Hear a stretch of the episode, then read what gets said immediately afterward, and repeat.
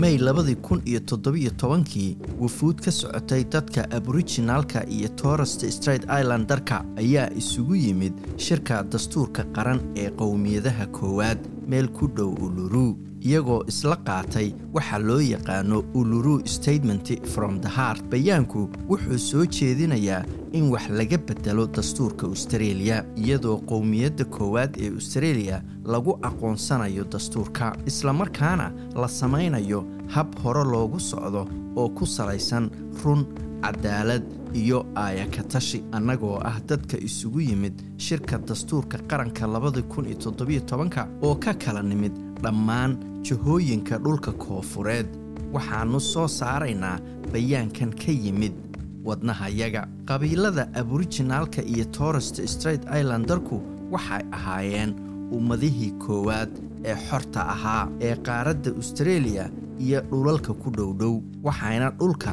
u lahaayeen sida shuruucdayada iyo xeerarkayagu qabaan. Tan waxaa sameeyey kuwaan ku abtirsanno sida waafaqsan waxa dhaqankayagu sheegayo sida waafaqsan bilowgii abuurta sida waafaqsan qaanuunka guud wakhti aan la xasuusan karin iyo sida waafaqsan sayniska in ka badan lixdan kun oo sano ka hor. Qarannimadani waa aragti ruuxi ah xiriirka ka dhexeeya kuwa aannu ku abtirsanno iyo dhulka ama hooyada dabiiciga ah iyo dadyowga aboriginaalka iyo torest straight islandarka ee ku dhashay halkaa waa inay ku nagaadaan halkaa maalin uuna ku laabtaan halkaasi si ay ula midoobaan kuwa aannu ku abtirsanno. Xiriirkani waa aasaaska lahaanshaha ciidda ama kaba fiicane qarannimada weligeed lagama tanaasulin lamana baabi'in waxayna ka dhinac jirtaa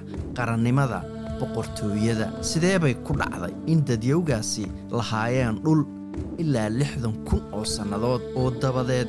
Xidhiirkaas ruuxiga ah sooyaalka taariikhda kaga qarsoomo. Labadii boqol ee sane ee ugu dambaysay oo keliya gudahooda. Haddii dastuurka lagu sameeyo isbeddel iyo dibo habayn wax ku ool ahna waxaannu rumaysannahay in xorriyaddan guunka ahi qarannimada austareeliya u noqon doonto matalaad buuxda saami ahaan.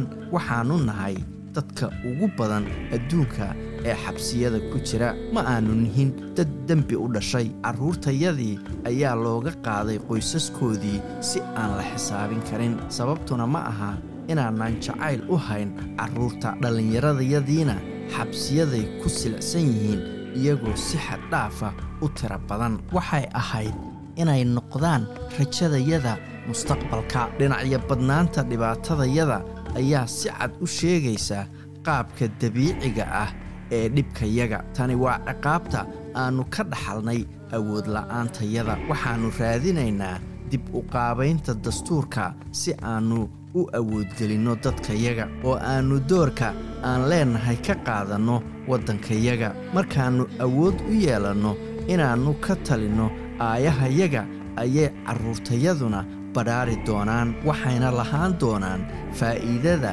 in ay ku noolaadaan laba adduunyo. Dhaqankooduna hadiyad buu u noqon doonaa waddanka. Waxaannu ku baaqaynaa aasaasidda cod qaranka koowaad leeyahay oo lagu daro dastuurka makarata waa kulmintii ajandayaashayaga in la midoobo dhibkii kadib waxay soo koobtaa oo muujinaysaa hamigayaga ah in la helo xidhiidh run ah oo cadaaladaysan oo aannu la yeelanno dadka austareeliya iyo carruurtayada oo hesha mustaqbal wacan oo ku salaysan cadaalad iyo aayakatalis. Waxaan dalbanaynaa guddi makaraata ah oo kormeera habka heshiisamaynta u dhexeeya xukuumadaha iyo qowmiyadaha koowaad iyo ka runsheegidda taariikhdeenna. Sannadkii kun iyo sagaal boqol lixdan iyo toddobadii waa nala aqoonsaday. Labadii kun iyo toddobiyo tobankana waxaannu dalbanaynaa in nala maqalo waxaan ka guuraynaa meeshaan joognay oo aannu hore ugu soconaynaa waddanka baaxadda leh. Waxaannu kugu martiqaadaynaa inaad nagala qayb gasho halganka dadka austareeliya ugu jiraan aayo kan ka wacan